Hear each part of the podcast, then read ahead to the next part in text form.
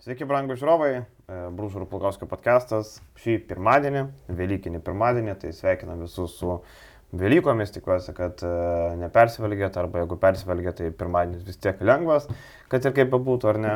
Tai mes, e, kaip sakant, pirmadienį nekeičiam tradicijų, nusprendėm e, toliau filmuoti. Ir kaip ir esam kaip ir priversti tai daryti, nes antradienį jau Eurolygos atkrintamosios prasidės, tai mes jeigu antradienį rašysim laidą, tai jums nebeįdomu mūsų vakarė klausyti. O dabar mes taip pat įsamei, e, remėjo dalyje pakalbėsime apie atkrintamasias e, visais kampais įmanomais, visais įmanomais aspektais.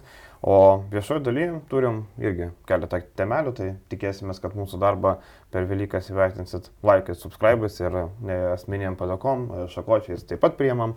E, jeigu rimtai, Algi, pradėkim turbūt nuo Žalgerio eros su Maksvyčiu, ar ne, prabėgo dviejas rungtynės, nugalėtas e, Kedainio klubas, Šiaulių klubas.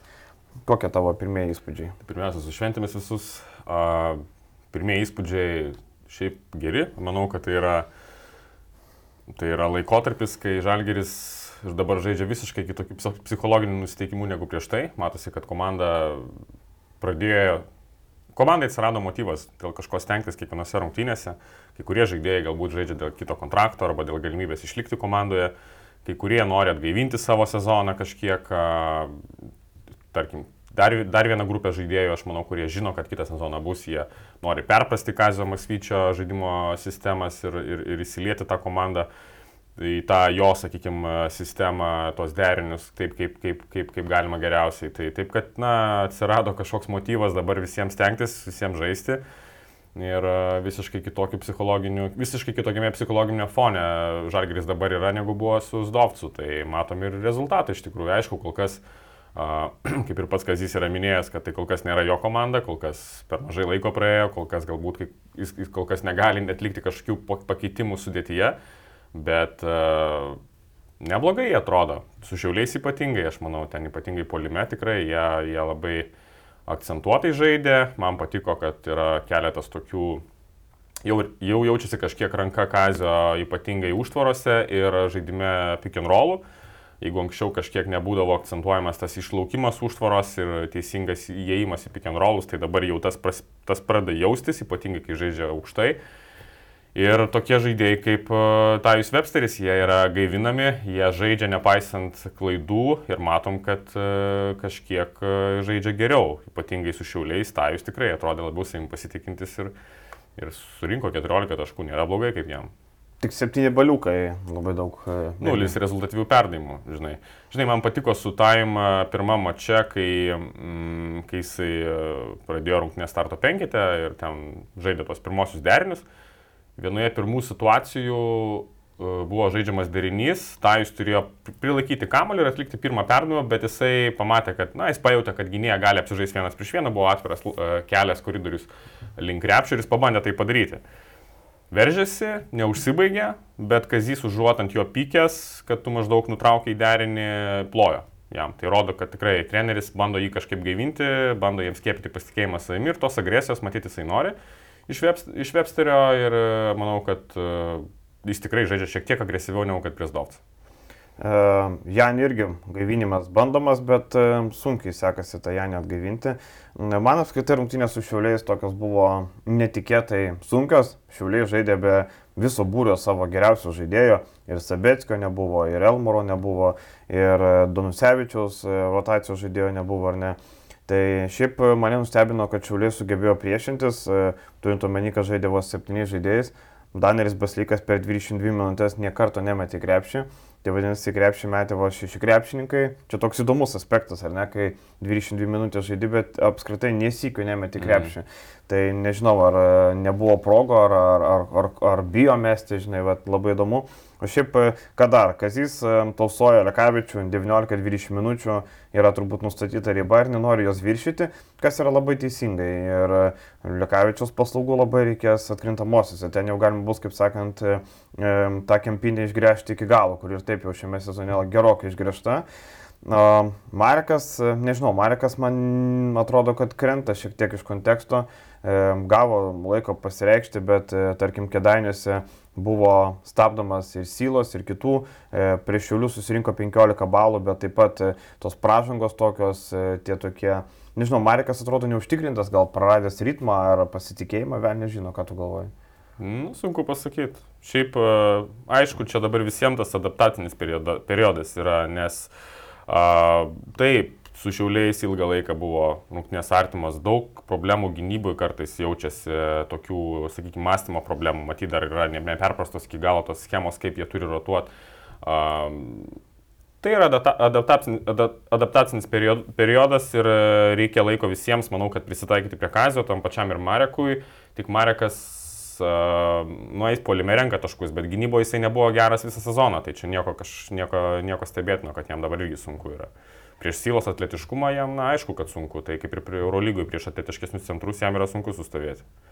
O dėl Websterio mačiau, ten kažkas postringavo, gal, gal čia veltui visi podcastuose nurašė Websterį. Nelabai čia veltui 14 taškų prie 7 šiulių žaidėjus ir 7 balai manęs neįtikina. Ne, tai tokiam lygiai, tai Taip. jisai LKL, mes kur žaidžia žaidėjas, tai Europos taurėje jisai rinko ten po 13 taškų mhm. vidutiniškai. Mm. Aš jį matęs nemažai gal tas Arajų, taip, tai žaidėjas, kuris gali ištraukti rungtynės Europos taurėje. Tai lygiai taip pat LKL, nu, LKL dar žemesnis lygis, tai tame lygyje jis atrodo neblogai, iš fizinių savybių jis yra tikrai pajėgus, ypatingai gynyboje Ta, man atrodo, kalbėjo ir Kazis Masvytis po pastarųjų rungtynių, kad jis tikisi daugiau iš jo gynyboje su tokiais duomenimis. Tai, tai gynyboje tikrai gali duoti, iš fizinės pusės tikrai LKL masteliu išsiskiriantis gynėjas, bet tai yra LKL, ne Eurolyga. Eurolygoje matom, matom, kaip nutinka Eurolygoje, kai fizinės, fizinės galimybės nu, nėra tiek geresnės už kitų, o įgūdžių prasme jisai žymiai nusileidžiantis kitiem ir ypatingai ten, kur jisai turėtų būti stiprus, tai yra taškų rinkime, tai yra metimas, jis nėra stabilus metikas, jis nemeta gerai nei po driblingo, nei iš statinių padėčių užtikrintai, žinai. Ir šią savaitę taip sukrito, kad Kazio laukia du susitikimai prieš buvusius klubus. Trečiadienį Klaipėdoje prieš Neptūną ir sekmadienį Panevežį prieš Lietkabelį. Tai e, Kazio laukia tokios tokie emocingi sugrįžimai.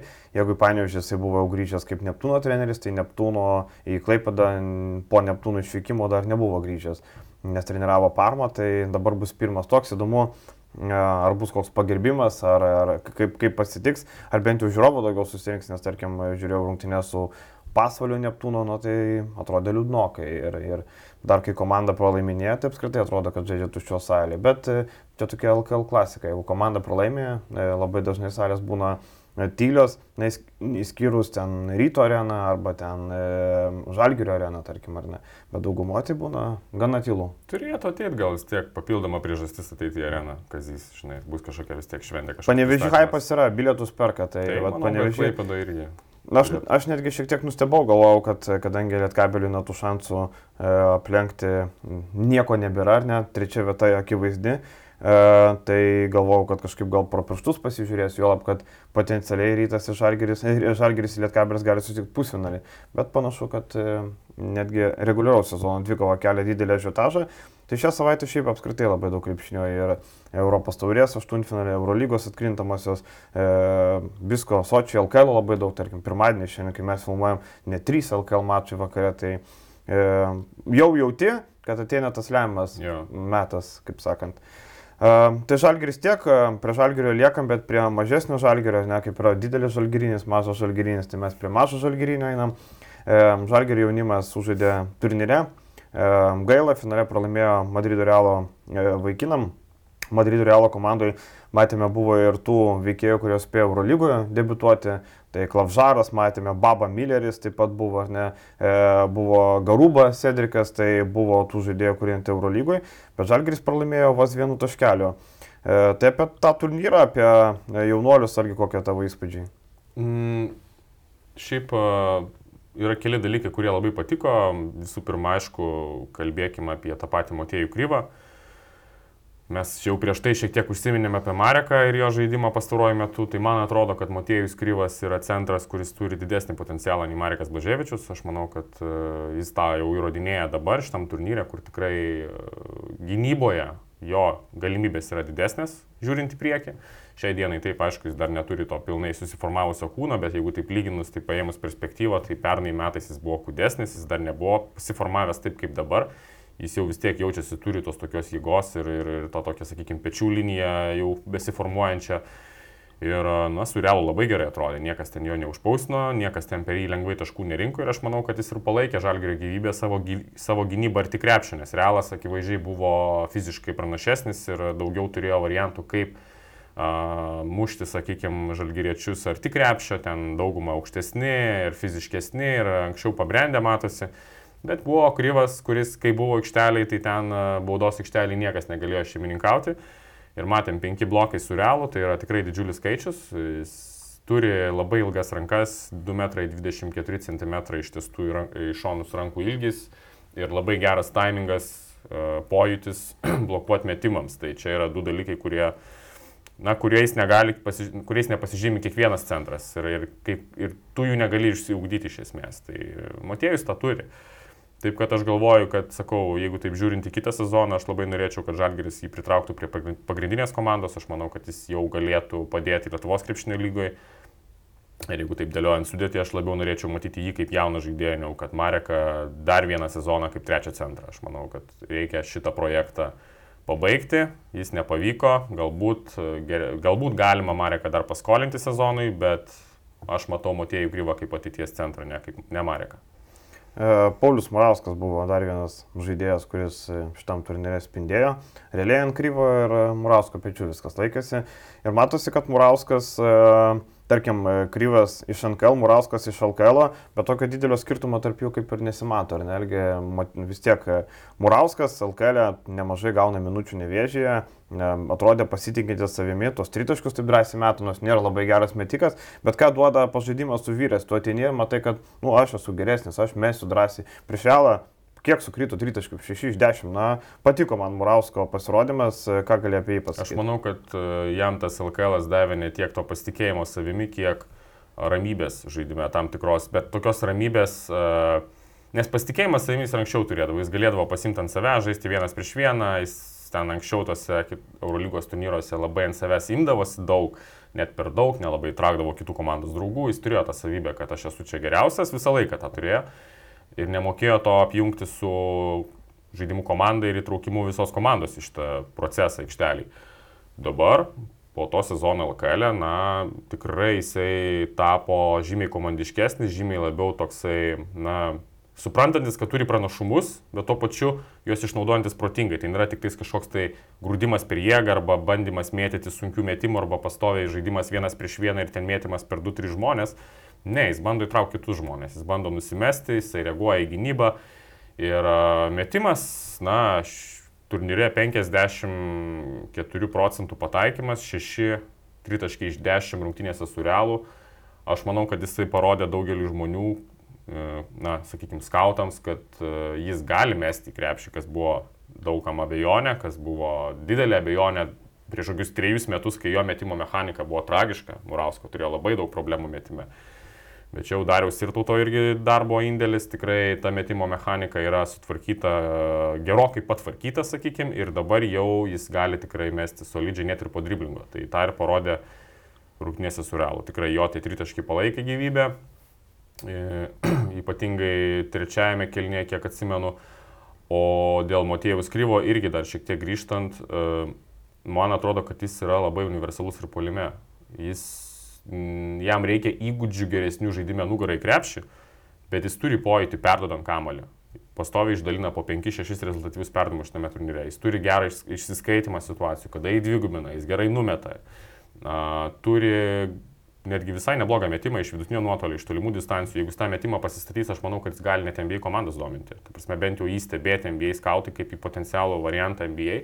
Tikrai, tikrai tai būtų, jeigu jisai būtų stabilus metikas.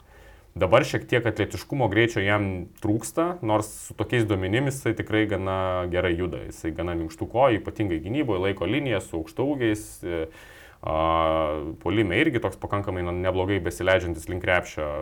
Lietuviškai standartais solidus, normalus atletas, NBA standartais aišku ne, bet Bet sakau, metimą, jeigu pasistatys, tai polime dar turės tą tokią savybę moderniame krepšinėje, kurią galėtų remtis. Ar dar turėjo kažką įskirti žalgerio komandos? Tai turbūt galim šiek tiek apie gynėjus pakalbėti, ten apie juos daug ką nėra kalbėti, tik tiek, kad Bonga nuliūdino, nes aš tikėjausi, kad šiek tiek didesnį progresą padarys per sezoną. Atletinės savybės geros, ypatingai pirmajame žingsnėje, bet visą turnyrą labai strigo užsibaigdamas tos prasiveržimus. Tikrai į baudos aikštelę gali įeiti ir atrodo geriausiai tai darantis šitoje komandoje, bet ten sprendimai, klaidos, perlaikimas kamulio, nesugebėjimas užsibaigti kontaktą yra didelė problema ir manau, kad daug ką jis labai nuvylė. Finalo rungtynėse minus 9 naudingumo balai, tai na, žaidėjai, kuris e, pasikviestas kaip, kaip galima, sakykime, NBA talentas, na, manau, kad labai jisai susidirbo savo, sakykime, tokią įvaizdį ir etiketę šito turnyru. Ir, nu, reikia padaryti labai, labai didelę pažangą per artimiausius metus, kad jisai galėtų likti tam nu, toje sistemoje, jeigu jo nepaleis šią vasarą. Joshua Bonga per 30 minučių 8,5 taško, bet 0,2 naudingumo balo. Čia labai daug pasako.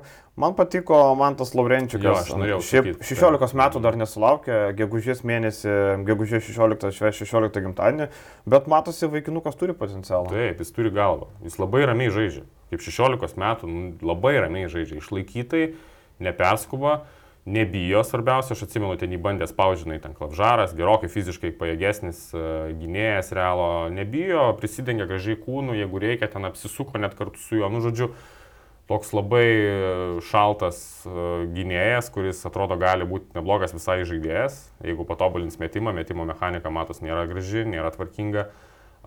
Ir na, taip, tam paskutiniai atakoje, toj lemiamą atako jis padarė tą tą mhm. juokingą klaidą, kai tiesiog reikėjo sustabdyti, ramiai sužais protingai ataką, jis ten veržėsi kažkur ir atliko tą perdavimą tokį, žinai, bet, bet šiaip jisai tikrai, man patiko, man patiko jo tokia ramybė, tikrai pasitikėjimas savimi tokia ramybė tikrai spinduliavo, 16 metais jauniausias komandai, tikrai nustebino. Ir dar kas buvo, Žalgris turėjo 10 žaidėjų, kai kitos komandos atsiveždavo 12, tai va Žalgris pasirinko 10. Ir turbūt netgi e, galima suprasti labai aiškiai, visi gal pasi, pasižais, pasireikšti, 12 atsivežus jau kartais tam 11-12 reikia dirbtinai duoti pažaisti. Tai, turnyras tas baigtas, turbūt tiek apie Žalgirius, abu einame prie kito. Svarbiausio Lietuvai šią savaitę mačo, Lietkabelis žaidžia Europos taurės aštuntfinalį su Bolonijos Virtus komanda. Ir Elgis šeštadienį mūsų remėjam, kurie yra 3 arba 10 eurų remėjai, jau matė video, kas nematė, tai būtinai pasižiūrėkit e, analizę, kaip žaidžia Virtusas, įsamei, beros 13 minučių, tai jei kas nenorit remti, galima vienkartinį nusipirkti ir pasižiūrėsit vieną kartą. E, tai pabandykime trumpai pasižiūrėti ir mes. E, Algi, ką tu galėtum išskirti kaip svarbiausias akcentus turrungtinių?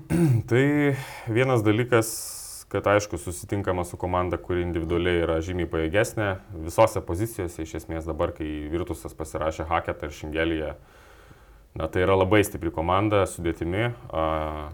Pliusas Lietkabeliui tas, kad Virtusas, a, ko gero, manau, kad šiek tiek juos rimtai nepasižiūrės, aš manau, kad vis tiek pasižiūrėjo į pavardės, visą kitą, tai tai kažkiek e, groja vis tiek. Tai įeina į galvą tokie dalykai, nepaisant to, kad mačas yra labai svarbus, bet, e, bet vis tiek. Lietkabelis yra Lietkabelis, tų pavardžių, tų žaidėjų, Virtuso krepšininkai nelabai žino, nei ten Šengelė žino, kokio ten na, Gedraičio ar, ar panašiai. Tai manau, kad jie nepasižiūrės maksimaliai rimtai. Kitas dalykas, jie dar šiek tiek mokosi tarpusavyje funkcionuoti, nes šiaip Skariolo visą sezoną įdėginėjo tokią sistemą, kurioje labai daug žaidimo nugarai krepšį bet jie neturėjo Šingelijos, kuris dabar yra daugiausiai nugarai krepšį žaidžiantis žaidėjas. Tai jie kol kas mokosi prie jo, adaptuotis su juo kartu aikštelį žaisti, kai jis žaidžia nugarai krepšį, kaip ten rotuoti, kaip, e, kaip reaguoti, kaip judėti be kamulio, kai jis žaidžia ir panašiai. Galų, galų galia žaidžiant tos pačius pick and rolls, kai yra Šingelį aikšteliai. E, tai nėra Hervey, tai nėra tas žaidėjas, kuris yra pavojingas už tritaškio linijos, nuo Šingelės visi eina padėti ir tu šiek tiek kitokį tą spacingą turi, turi daryti žaisdamas su tokiu ketvirtu numeriu. Tai aš manau, kad jie dar kažkiek adaptuojasi prie šengelios, bet aišku, jų pajėgumas padidėjo, tai yra mano akim realiausia pretendentė į titulą šiai dienai, jeigu jie išsispręs savo problemas gynyboje, kur, kur turbūt, na, daug ką galėtų nustebinti tas faktas, kad Virtusas yra blogiausiai tranzicijoje besiginanti komanda Europos tauriai. Jeigu varžovai moka bėgti ir moka išsidėsti greitajame polime, tai Virtusas nu, visiškai neapsigina, nesustabdo. Vienas prieš vieną nestabdo, nebauduoja, nėra tų taktinių pražangų, aš nežinau kodėl nėra, gal čia koks karjolo amerikietiškas mentalitetas kažkiek ten praleidęs laiko, aš nežinau kodėl, kodėl jiem daro. Nors dabar NBA stabdo tas e, greitas atakas mm. ir dar stabdo grubiau negu, negu Europai, žinai ten dar neevoliucionavo ne tas e, supratimas apie taktinės pražanga, pražangas, kad jeigu tu jau ten gru, grubiai imi už rankos, tai turėtų būti nesportinė, ten belia kaip ima ir, ir stabdo, žinai, ir visi ten spjaudosi komentatoriai. Tai Virtusas to nedaro, žinai. E, labai prastai ginasi tranzicijoje, tada yra problemų individualioje gynyboje, aš manau, Lietkabelis turi šiokį tokį pranašumą priekinėje linijoje su Gagičium, ypatingai kai bus aikštelį Samsonas. Tai yra šiaip jau ketvirtas numeris labiau nei penktas savo faktūrą ir, ir manau, kad e, Gagičius tikrai gali į nugarą į krepšį pasimti. Hervė irgi tingi gintis arti krepšio, toks gana kūdas, e, nėra fiziškas žaidėjas. Tai jie plus gana prastai ginasi prieš tritaškius. Lietkabelis toje vietoje tikrai gali komandiškai žaisdamas susirasti laisvus metimus. Aš manau, kad tų laisvų metimų Lietkabelis tikrai susiras. E, kitas žaidėjas, aišku, yra Milošas Teodosičius. Tai apie jį kalbant, Polime labai neparankus lietkabeliui jis yra, dėl to nes jis labai gerai žaidžia prieš stepautą, labai gerai išsiskaito stepautus, labai gerai įveda tą short roll vadinamą. Bet gynyboje tai yra taikinys numeris vienas, aš manau. Jis visur vėluoja, labai toks, na, visiškai nededa pastangų, jis niekada nebuvo gerai besignantis, bet dabar Milošas yra visiškai keuras. Uh, Ir e, čia Lietkabelis turi kažkaip jį bandyti visur įtraukinėti visus pick and rollus, į situacijas, kuris turėtų sprendimus priimti. Manau, ten turi būti Milošas visą laiką įtrauktas ir tada tikrai Lietkabelis polime tikrai susikurs. Bet ar gynyboje sustabdys vienas prieš vieną? Čia jau kitas klausimas. Yra Šengelija prieš Oreliką, yra, yra, yra, yra sakykime, yra tas pats Milošas, jo pick and rollai didelė, didelė problema gali būti, yra tas pats Žaitechas, kuris vis tiek jie atitvertino krepšio nei, nei Gagičius, nei, nei Maldūnas turbūt nėra iki galo pajėgus, turi jie tų ginklų. Tai bus, bus tikrai, tikrai sudėtinga, aš manau, Lietkabeliui. E, dar bloga naujiena Lietkabeliui turbūt ta, kad Marko Belinėlė jau grįžo ant parketo rungtynėse savaitgalį, mm. 20 minučių jau rungtyniavo. Tai va, jisai kaip tik pakeis Aziją Kordinė, kuris traumą patyrė ir jo turbūt nebus tame mače. Ir klausimas yra, kas parankiau, na gal, gal vis dėlto belinėlį, aišku, kokios jisai formos klausimas, koks, koks jisai bus, bet šiaip koordinė irgi nėra parankus ir gerai, kad jo nėra, nes jis yra labai geras atletas. Bet kabelį sudėtinga jų perimetro linijai sustabdyti gerus atletus, tai koordinė yra turbūt atletiškiausias gynėjas Europos tauriai. Nu, nerealiai, sprokstantis ir, ir, ir bėgantis į greitą polimą ir dar labai gerai gynasi vienas prieš vieną. Tai Belinėlė 20 minučių, 8 taškeliai, 1-5-3 taškai, 0 naudingumo balų, tai sugrįžimas toks sausau, bet e, ten matėsi Virtusas ruošėsi rungtynėm, e, su Pezaro rungtynėm, rungtynėse ruošėsi su Lietkabeliu, laimėjo 19 taškų skirtumų, labai rotavo sudėti, tarkim, startinis penketas žaidė 2 po 20, 2 po 19, 1 17 minučių, labai aiškiai, daugiausia žaidė Pajola 24 minutės, tai labai daug ką pasako apie tai, kad kaip ir Lietkabelio Suzukijoje irgi žaidė 8, e, leido ir Žemaičiui, ir Orelikui palsėti, neišleido nei Radyčiavičius, nei Kasparo Berzinio. Šiaip man labai įdomu dėl Kasparo Bersinio, tarkime, kodėl jisai nežaidė su Dzukie, nors buvo pasiruošęs ir rungtynėse su rytų matėm irgi išėmė jį labai anksti ir daugiau nebeleido apskritai į aikštelę. Tai bet tokie įdomus aspektai. Ką dar apie tas rungtynės, turbūt Lietkabeliui reikia, reikia važiuoti ir bandyti atiduoti maksimumą. E, kaip tu sakai, tikintis, kad varžovai neįvertins, bet aš kažkaip sunkiai tikiu, kad gali Virtusas aštuntfinalį taip pažiūrėti pro pirštus į tą mačą. Aš galvoju, gal gynyboje pažiūrės, mm. bet polime. Ne, aš nesakau, kad žinai, tai nėra ja. juoda balta, žinai. Taip, taip. Tai aš, aišku, gal jie vis tiek jie ruošiasi, vis tiek jie žino, kad reikia laimėti būtinai tą aštuntfinalį. Bet psichologinis faktorius, manau, Lietkabelio pusėje vienas dalykas, Virtusas tikrai jaus didžiulį spaudimą, čiagi aštuntfinalis, čia vienas mačas, mes negalim pralaimėti šito mačo, tai aš manau, kad tikrai rankos gali kai kuriem ten drebėti. A, kitas dalykas, kad, na vis tiek, lietkabelis yra lietkabelis. Kitiem gal į galvą įeistas, kad maždaug, na, žaidžiam prieš lietkabelį, taigi pasimsim, žinai, kas tas lietkabelis. Tai, tai psichologinis faktorius tikrai panevežėčio pusėje, jie atvažiuoja be jokio spaudimo, jie žino, kad iš jų niekas nieko nesitikė. Pažiūrėsim, gal tai padės laikytis rungtynėse iki pat galo, ten jau kaip, kaip, kaip bus, žinai, visko nutinka. Virtusas šiaip yra komanda, kuri jeigu pradžioje pajunta, tai varžovus jau sutriuškina. Jeigu tu leidai jam pradžioje įsibėgėti, polime, pajaučia žaidimą, tai jau viskas, viso gero. Tai Lietkabė yra labai svarbus, ypač pirmas kelnys, antras kelnys, e, tokie, tokie esminiai turbūt dalykai. Nors šiaip, tarkim, rungtynėse su Burgo Breso ekipa, e, Virtusas po dviejų kelnių turėjo minus 10 ir dar trečiam kelniui išėjo. Smogė... Ketvirtą kelnį jie ten nunešė tą burgos. Trečiam 27-8 ir ketvirtam 26-13. Okay. Tai per antrą pusę vos 21 tašką praleido. Yeah. Bet iš esmės tendencijos tokios, kad Virtusas, jeigu pirmam kelnyje per pirmą pusę pajaučia žaidimą, gali daug taškų primesti, ypač namie žaidžiant. E, jie ten jaučiasi labai komfortabiliai, e, labai patogiai ir, na, daug komandų jaučiasi namie taip, bet Virtusas, jeigu pajaučia, kad polime gali siautėti, tada ir siautės. Ir bus labai sudėtinga. Tai Lietkabeliui belieka palinkėti didelės sėkmės, nieko čia, nieko čia per daug nepasakysi. E, įdomu, kaip bandys vat, e, tavo minėtą e, silpnybę išnaudoti Audosičiaus, kas bandys gal vienas prieš vieną laužti kas bandys, e, kaip, kaip tos pick and rollus įtrauks, bet e, Skariolo pasižiūrėjau dar kelis iškarpas, labai labai Teodosičiui riboja minutės tada, kada varžovai prie atakuoja. Jis Taip. irgi nekvailas žmogus. Nekvailas, ne, jisai žiūri, ar eina į pliusą ar į minusą tą komandą. Tik tiek, kad Teodosičiaus reika, jis reikalingas prieš stepautą žaidžiant. Mm -hmm. Jo tie įmetimai į vidų bus labai reikalingi. Tas pirmas perdavimas jo bus labai reikalingas. Tai manau, kad gali rizikuoti ir žaisti su juo tikrai daugiau. O įtraukimas, na, pick and rollais, tai irgi yra tų variantų, kaip įkišti į tą pick and rollą. Tai manau, kad Čanakas sugalvos, kaip, čia, kaip tai padaryti. Na, apie tą stepauto gynybą mes nekartą kalbėjom. Turbūt prieš seriją nieko ypatingo nesugalvosim, matysim tą pačią gynybą. Ne, taigi jų, jų, čia tokie dalykai taip ne, nesikeičia, čia yra filosofija. Taip, taip. Čanakas yra filosofijos treneris, iš esmės, jis turi savo filosofiją, jis filosofijos laik remiasi.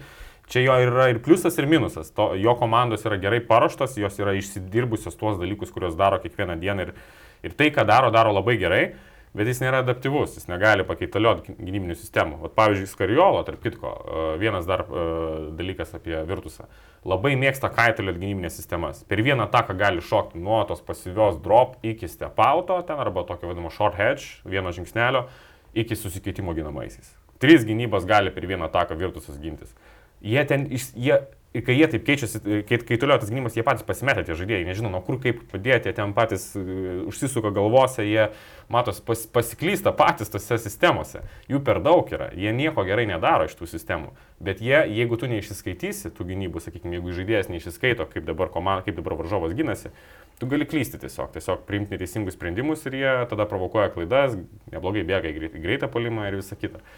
Tai Tai čia tas momentas, jį Skariolo labai kaitolėjo, tarkim, irgi ten išsimetimas, pavyzdžiui, jie mėgsta sustoti zoną, tarkim, ta zona irgi tokia, nu, sužaidžia tris kartus per, per rungtynės, keturis tą zoną. Nei ten gerai veikia, nei ką, bet vis tiek kažkiek iš, išmušti šviežių gali. Tai labai svarbu bus, kad Žemaitis ir Radičevičius jie išsiskaitytų, ką varžovas e, žaidžia, kokią gynybą žaidžia. Čia jų, tie, jų tas šaltas protas bus labai reikalingas. E, baigiant apie Europos taurę, toks įdomesnis faktelis. Europos taurės aštuntfinalio komanda Andora šiuo metu yra beveik iškritusi į antrą Ispanijos lygą. E, situacija labai prasta, Andora turi 8 pergalės, e, aukščiau esantis Real Betis ir Burgosas turi po 9, e, Obradoiro, ten Saragosa, Fonlabrado po 10, lieka sužaisti dar 5 turus, viskas įmanoma, bet Andora prieš Real Betis 17 taškų skirtumą pralaimėjo Oho. namuose ir tai yra tiesioginis varžovas, tai e, dabar Andorai praktiškai reikia rinkti viską, kas liko ir e, kitas mačas su Burgosu, dar vienas varžovas, kuris yra aukščiau. Jeigu pralaimėtų Burgosu, praktiškai viskas galėtų atsisveikinti, tai labai situacija keista. labai rimta ir matom, kad Andora visom išgalė, matėm pasikvietė net Janiką Frankę, kuris yra žaidęs pasvalio pieno žvaigždėse. Žodžiu, Andora daro viską, kviečiasi žaidėjus, daro, bet labai arti to, kad kitą sezoną jau apie Eurocapą gali pamiršti, bet kad neteks vietos Ispanijos aukščiausio wow. lygo. Ir tai yra komanda, kuri žaidžia aštuntfinalį Europos taurės. Jie visą laiką Europos taurė geriau, žaidžia negu Ispanijos taurės, bet vis tiek kažkaip ir ta Europos taurė išeina, vos ne kiekvienais metais. Vis tiek jie tą aštuonetą dešimtuką ten būna. Taip, jie ten būna ir jie gauna tą vietą Europos taurėje. Tai, nu, wow, čia žinai, nepadėjo net trenerio pakeitimas, jeigu nuėmė tą Navaro ir, ir pastatė kitą trenerį. Paliko asistentą, kuris nieko nepakeitė. Kuris nieko nepakeitė, jo. Ir atvykęs Senikas Frankė duoda impactą, prieš tai rungtynės 21.18 balų, tai e, tikrai gerą žaidėją turėjo pasaulio pienų žvaigždės, galima tikrai pagirti, matom, e, tik tai Europos taurė, aišku, jis negalės padėti komandai, nes baigėsi registracija. Bet toks unikalus atvejis, tarkim, ryto grupė atsimena Odenburgas ilgą laiką balansavo, bet dabar jie puikiai įsikapstė, ten nepateks atkrintamasis, bet gali 9, ne 10, 11 vietą pasimti. Tai susitvarkė skirtingai negu Andorra. Mm. Na, čia būtų turbūt didžiausia sensacija per visus nacionalinius čempionatus, negu Andorra Andorra šiaip turi net galimybę patekti aštuonetą namie, Budušnos yra įveikiamas varžovas. Taip. Tai Europos taurėje esi aštuonetą, bet iškenti į Ispanijos jo, antrą lygą. Manai, tu iš visų kokią pusinolę ten, žinai, Europos no. taurė iškristų iš Ispanijos pirmenybę. Kaip tada galvoti apie Europos taurę? Čia yra, yra? Čia, yra, čia yra unikali situacija, ja. niekur, e, niekur tokios nėra. Nu, tik jis, žinai, seksim. Rodo, kad Ispanijos e, pirmenybės, jų pajėgumą kaip ten, kokia ten yra konkurencija, kaip ten sudėtinga visiems yra žaisti ir ko, ko ten reikia, kad išlikti, žinai, net ir net ir tos, tos komandos, kurios žaidžia tarptautinėse turnyruose, jos vis tiek ten rimtai turi žaisti. Jeigu tu nerimtai pasižiūrėsi į savaitgalio mačą, tai tavęs laukia pralaimėjimas. Jo, tam specifinė lyga, kaip mes esam kalbėję, kad labai daug žaidėjų, kur gal kitoje lygoje netiktų, kur nieks neimtų, bet Ispanijoje žaidžia ir matom labai puikiai viskas atrodo. Gerai, e, paskutinė tema viešoje dalyje, tai apie atkrintamasis, sakėm, šiek tiek pasikalbėsime. Startavo visos serijos. E, ką galim apie pirmąsias serijas pasakyti įdomaus? Bendrai aš taip gal šoku iš karto nu, prie vakarykščių rungtynių. Mhm. Man, sakau, labai strigo tas Celtics ir, ir net su mačas. E, koks lygis, klausyk, kokio lygio yra tie atletai, tie, tie superstarai NBA, kokio lygio tai yra žaidėjai. Tas pats, pavyzdžiui, Teitumas, e, visas 40 minučių jisai arė, stabdydamas vienas prieš vieną Durantą. Uh, arė gynyboje prieš ger, vieną geriausių planetos krepšininkų ir surenka apie 30 taškų polime ir dar pataiko lemą metimą, tą, žinai, apsisukdamas tokią versiją. Skaisgirio, vertą. Kokio tai lygio atletas turi būti, kad tu galėtum tokį krūvių e, iš, išnešti? Prasme, Eurolygoje nieks, Eurolygoje paprastai būna taip, jeigu koks ten Mirotičius, tarkim, polime dominuoja ar ten žaidžia labai gerai, tai gynyboje jis jau ten saugomas, slepiamas, visa kita, jau ten jį dar atakuoja, bando įtraukti į visokias ten situacijas, kad jis tik vargtų. Uh, O čia Teitumas pasiema svarbiausią užduotį gynyboje ir dar polime realiai traukia komandą į pergalę. Tai sakau, tas pats, tarkim, Kairį, na, techninis lygis tai yra neįtikėtinas. Driblingas koks, koks taigumas, koks, kaip išdirbti tie judesiai. Aš sakau, aš kai įsijungiu NBA, tarkim, po Europos kažkokių tai rungtynių Europoje, tarkim, po, žinai, LKL, ten, tarkim, žinai, šeštadienį berots žiūrėjau, dabar neatsimenu, uh, kažką iš kažkok, kažkok, kažkokias rungtynės čia Europoje ir po to persijungiau NBA. Tai tas toks didžiulis uh, skirtumas labai iškart pasijaučia. Tam, tose greičiuose, tame, tame techninėme išpildyme tų žaidėjų lygiai labai pasikeičia. Teisingai, beje, Berots Grizzlis su, su su Timberwolves, tai ten aišku dar, dar tas atletiškumas nesvietiškas. Džamorantas, e, beleką išdarinėja, ką žaidžia NBA, tik žino, kad e, na, buvo padarytas toks labai monstrinis. Bet visi praėjimai, visi dėjimai, bet kai pasižiūri tas rungtynės, tai panašiai žaidžia, kaip tik ten atrodavo, kad jau per daug, jau ten keurą eina, deda viską, bet taip atrodo ir realybė. Spaudimas, koks lankstumas, tas iš, iš, iš, pro mažiausias kilutės atrodo gali prasprūsti toks kaip, nežinau. Nu, įspūdingas tikrai atletiškumas. Ir jo, tai Celtics net su serijoje, manau, kad tai bus tikrai labai įdomi serija iki pat pabaigos. Manau, kad 4-3 laimės viena ar kita komanda. Aš dėčiau turbūt už Celtics, nes man atrodo, kad jie turi daugiau širdies, daugiau turi geresnius rolės žaidėjus, tokius, pavyzdžiui, Smartas tikrai daug keičiantis abiejose aikštelės pusėse, ypatingai gynyboje, jo tas fiziškumas neįtikėtinas. Ir tokie žaidėjai dažniausiai atkrintamosiose labai išriškėja, tie tokie labai fiziški žaidėjai. Tas pats, pavyzdžiui, Patrikas Beverly labai jautėsi jo indėlis tos, tame mače su Grizzliais. Tai man atrodo, Celtics turi, turi tų kovinių muštukų, turi tų darbininkų daugiau negu kad Netsai. Netsui suolas nėra blogas, bet vėlgi, kiek toks Dragičius bus, koks buvo, tarkim, vakar, kur tikrai priminė senai gerai Dragičių, kur ten į kairę eina kaip tankas, žinai, nesustabdysi. Ar jis toks visą seriją galės būti? Klausimas. Tai... Reikia Beno Simonso, nieko nebus, tik tai įdomu, kokios būklės yra Beno Simonsas. Nes žaidės beveik metus. Būt, nu, tai va, tai va labai įdomu, čia turbūt ne, nebus game changeris. Benas Jeigu taip pasižiūrėjau, nuskamba kaip anegdotas, bet ir yra anegdotinė asmenybė. Svarbu gražiai atrodo ant suolo. Jo, bent jau. Nukai, viską. Svarbu būti Stilis. su stilium, taip. taip. Kaip sako, troškulys yra viskas, tai stilius yra viskas, ar ne, kaip e, Spraito reklama. Dar žiūrint e, rytų poras, Milwaukee, Chicago, e, trečia prieš šeštą komandą. Čia nebuvo viskas taip paprasta ir man atrodo, kad ten Chicago turi ginklų pasipriešinti, bet e, vargu, vargu ar Minnesota, Minnesota ar vargu ar Milvokis paleista serija. turbūt Milvokis, manau, kad kai mes su tam kalbėjom, praeitam podcast'e gali net iki finalo keliauti, jeigu tai pasižiūrėjus. Aišku, kitame etape lauktų Bostonas arba Bruklinas, būtų mm. dar vienas labai, labai rimtas iššūkis. Bet e, čia turbūt Milvokis e, susitvarkys, kitur Filadelfija prieš Torontą, man atrodo, kad Torontas neturi jokių šansų. Ir ypatingai, kai Bansas gavo traumą, aišku, ten nėra tas sunki, kaip, kaip suprantu, nėra sunki mhm. trauma, tyrimai parodė, kad ten nieko rimto, bet matyt praleis vis tiek bent jau vieną mačą. Tai... O Miami's e, pasirodys spūdingiausiai per, pirmą, per, per, per, per pirmus mačius serijos. Miami sutriuškino Atlantą, bet e, labai objektyvas priežastis, na, Atlanta neturi Klinto kapelos, kuris pagrindinis e, lanko saugotojas, taip galim sakyti, ar ne. Miami's, e, šiaip aš galvojau, Miami's, man atrodo, Miami's iki pirmo rimto varžovo, jeigu taip žiūrėčiau long, long termo, man atrodo, Miami's galėtų kristi, tarkim, prieš Filadelfiją. Ką tu irgi galvoji? Labai, labai komandiška komanda, žinai, labai mhm. gerai dalinasi kamulio. Aš šiek tiek įsijungiu tas rungtynės, kol ten, nu, pradžioj, sakykime, pasižiūrėjau, po to, ten, kai Miami's galutinai perėmė iniciatyvą, nebuvo įdomu, žinai. Bet, na, polime labai išsidirbė, matosi tos savo derinius, ką jie žaidžia, tas sistemas labai viskas tvarkingai padaryta. Spolstra tikrai, matosi, jos ištreniravęs kaip reikiant ir jie puikiai dalinasi kamuoliu. 35 rezultatyvūs perdavimai rungtynėse, nėra tokių išreikštų lyderių, bet labai visi protingai žaidžia. Tikrai e, NBA standartais, na, turbūt viena protingiausių komandų, aš galvoju.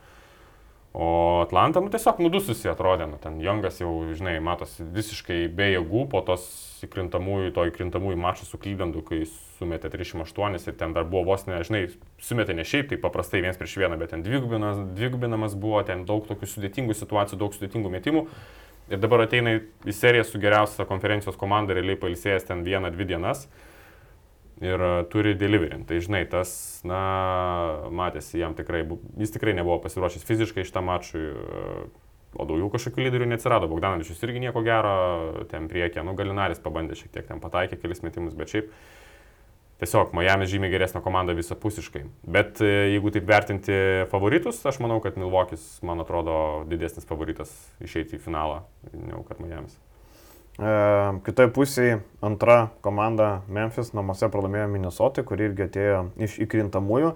Čia turbūt be ne didžiausias staigmena iš tų pirmų rungtynių. E, man įdomu, kiek dar Minnesota turi potencialo, bet čia pasitvirtina Taunso žodžiai, sako, mes dabar žaidžiam taip, ką galim bet kam nugalėti. Ir Memphis iš tų bet kas yra geriausia turbūt opcija. Iš antro, kai tu esi septintas, gauni antrą vietą, nu, man Memphis yra geriausia. Memphis opcija. yra nepatyręs, matos, tikrai neturi to supratimo, kaip žaisti atkrintamasis. Jie tokie, jie šiek tiek atsipalaidavę, žinai, nelabai supranta, kaip čia žaisti tokios svarbos mačo o tie tiesiog už gerklių pasiemė. Ten Beverlis iš karto super fiziškas, ten provokuoja teisėjais, ten, žinai, tas jo visas... Daro savo dalykus. Visapusiškas, jo, daro savo dalykus, žinai. Aišku, Edvardsas puikiai sužaidė, jie iš karto pasiemė atakuoti Adamsą. Adamsas lėtas, pick and rollose, nu negali spėti paskui Edvardsą, paskui tuos Grizzlies. O, atsiprašau, Timberwolves gynėjus kitus ir jaučiasi, kad tas greitis Adamsui yra per didelis. Tiesiog Timberwolves žaidžia tiesiog 5-7 sekundžių atakas. Toks visiškai run and gun krepšinis. Memphis bandė kažkiek išliktame greityje, bet, na, jie turi kitaip žaisti. Ir man atrodo, kad Adams iš toj serijoje jo minutės turėtų nykti. Nors pirmajame kelnie, kai jis ten buvo atakuojamas, at, tiesiog ataka po atako, žinai, ten bandė apsižaisti ir apsižaidinėjo. Tas pats Townsas irgi jam labai neparankus savo greičiais. Nu, Townsas NBA niekam neparanku turbūt. Jo, bet ypatingai Adamsui, kuris yra lėtas tiesiog. Tai, taip, taip. tai žinai, Bet Adamso nekeitės. Jisai kaip žaidė, taip žaidė ten vėliau, iš, išėjo tik tas jų atsarginis e, centras Kvarkas, e, ketvirtas, penktas toks. Tai tas šiek tiek, kai jis įėjo, šiek tiek ta komanda pasidarė mobilesnė gynybo ir, ir ten grįžo rungtynės po to prasto pirmo kelio. Bet šiaip tai, na, Timberwolves atrodo tokia, nu, žymiai labiau norinti komanda. Vėlgi, man atrodo, suveikė tas faktorius, kad jie buvo šitos poros outsideriai ir jie iš jų niekas nieko nesitikėjo ir jie visai kitų nusteikimų atėjo į tą mačą. Nesistebėčiau, jeigu Minnesota laimėtų seriją. Aš kažkaip linkiu Minnesota laimėti seriją. Ir e, manau, kad gali būti labai įdomu irgi, gal net 4-3. 4-3 labai. Būtų labai tas pats kaip ir rytuose. 2 prieš 7 irgi 2-7 mes galvojam bus ilga serija, čia irgi 2-7 irgi. E, toliau 3-6 Goldanas prieš Denverį. E, Goldanas e, Na, man atrodo, Denveris dar nesudainavo dainelės. Man atrodo, kad e, tas Jokičiaus apribojimas bus labai laikinas. Aš galvoju, kad Denveris gali čia patraukti. Gal nelaimėti seriją, bet man atrodo, kad čia gali būti irgi labai įdomu. Man tai atrodo, kad jiems tiesiog trūksta mūrėjus ir porterį. Aš manau, kad mm. šitas sezonas jau yra palaidotas, kai jau buvo palaidotas tada, kada jie būtų gavo traumas, kada jie būtų iškrito ilgam iki sezono pabaigos ir manau, kad Denveris tik su Jokičium, na, jam tiesiog trūksta pagalbos, žinai, jeigu jau jį ten taip riboja ir kartu jam tiek daug dėmesio skiria gynyboje, tai nėra tiesiog kam perimti iš Jokičius tos estafetės. O jis vienas, jisai aš manau, kad gali ištemti, aš taip galvoju, kokias dvi pergalės gali ištemti, bet serijos tikrai nelaimės prieš Warriors. Juolab, kad Goldinas turi karį kuris. Taip, turi karį, turi šiaip tokią, vėlgi, turi tos pagalbos daugiau, turi tas pats Wigginsas, tas pats Klėjus įsižaidžia, Pūlas sezono atradimas ir turbūt didžiausią pažangą padarė -hmm. žaidėjas. Neturi tik Weizmaną. Jeigu dar turėtų Weizmaną, tai aš sakyčiau, jie man realus, labai realus pretendentai būtų į NBA finalą. Šiaip Jordanas Pūlas visą laiką būdavo toksai apie nieką. Skoreris išleidė taškų rinkti, toks labai nestabilus, e, iš komandos į komandą, bet dabar matom Goldenio tikras atradimas. Man labai patiko jo, jisai, jisai šiaip tikrai labai agresyvus, toks ir prisiveržimas, ir metimą neblogą turi. Patiko man jisai. E, ketvirta prieš penktą komandą, jų laimėjo Dalas ir, na, Dalaso pagrindinis aspektas, kad Luka Dončičius panašu, kad jau žengs ant parketo. Bet, e, bet blemba, man atrodo, čia irgi gali būti labai įdomi serija. Didelio skirtumo nematau. Dalase trūksta pagalbininko Dončičiui. E, matėm, e, Dinvidy bandė ar ne, bet man Jūta vis tiek geresnio komanda, aš nežinau. Šiaip kaip pagalvoji, Dalasui realiai sezoną galėjo kainuoti Jasono Kido užsispyrimas. Paskutinis mačas, nieko nelemintis mačas, jisai žaidžia su Luka Dončičium, kurį reikėjo ilsinti prieš seriją. Ir tame mače Luka Dončičius gauna traumą. Dabar jisai praleido pirmą mačą e, serijos su Jazz. Jeigu Luka būtų žaidęs, manau, jie būtų tikrai laimėję. Mm. Tikrai Jazzai nežaidė gerai, ten ypatingai pradžiai labai prastai atrodė, tas pats Mitchellas labai prastai atrodė, vėliau jis ten įsibėgėjo šiek tiek. Bet manau, Mavericks būtų tikrai paėmę šitą pirmąjį mačą.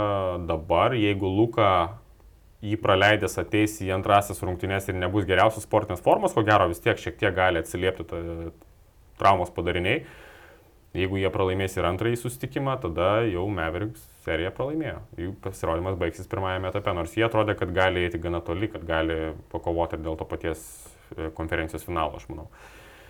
Tai, tai va taip, vienas blogas trenerio sprendimas, užsispyrimas galėjo Mavericks kainuoti realiai sezoną. Ir situacija buvo tokia, kad Dončičius net galėjo nežaisti, nes galėjo būti diskvalifikuotas, bet nuėmė tą pražangą ir jisai, na kaip sakant, kortos viskas sukrito taip, kad jisai eitų žaisti. Ir NBA atšaukė diskvalifikaciją, treneris nusprendė naudoti ir matom, gavosi taip. Na ir paskutinė para, Lietuva įdomiausia, Phoenixas prieš Pe Pelikanus, e, būtent praėjusią naktį įvyko pirmasis rungtynės. Jonas Valančiūnas ten kaip, kaip reikiant pasiauti po krepšiais, e, bet seriją laimėti Na turbūt jokių šansų didelių nėra. Mes jau kalbėjom, kad Phoenixas yra tas mechanizmas, kur atrodo, kad važiuos iki finalo. Ne, Phoenixas antrus metus žaidžia, jau susistatė. Šita komanda atrodo taip, kaip e, būsimi NBA čempionai iš esmės.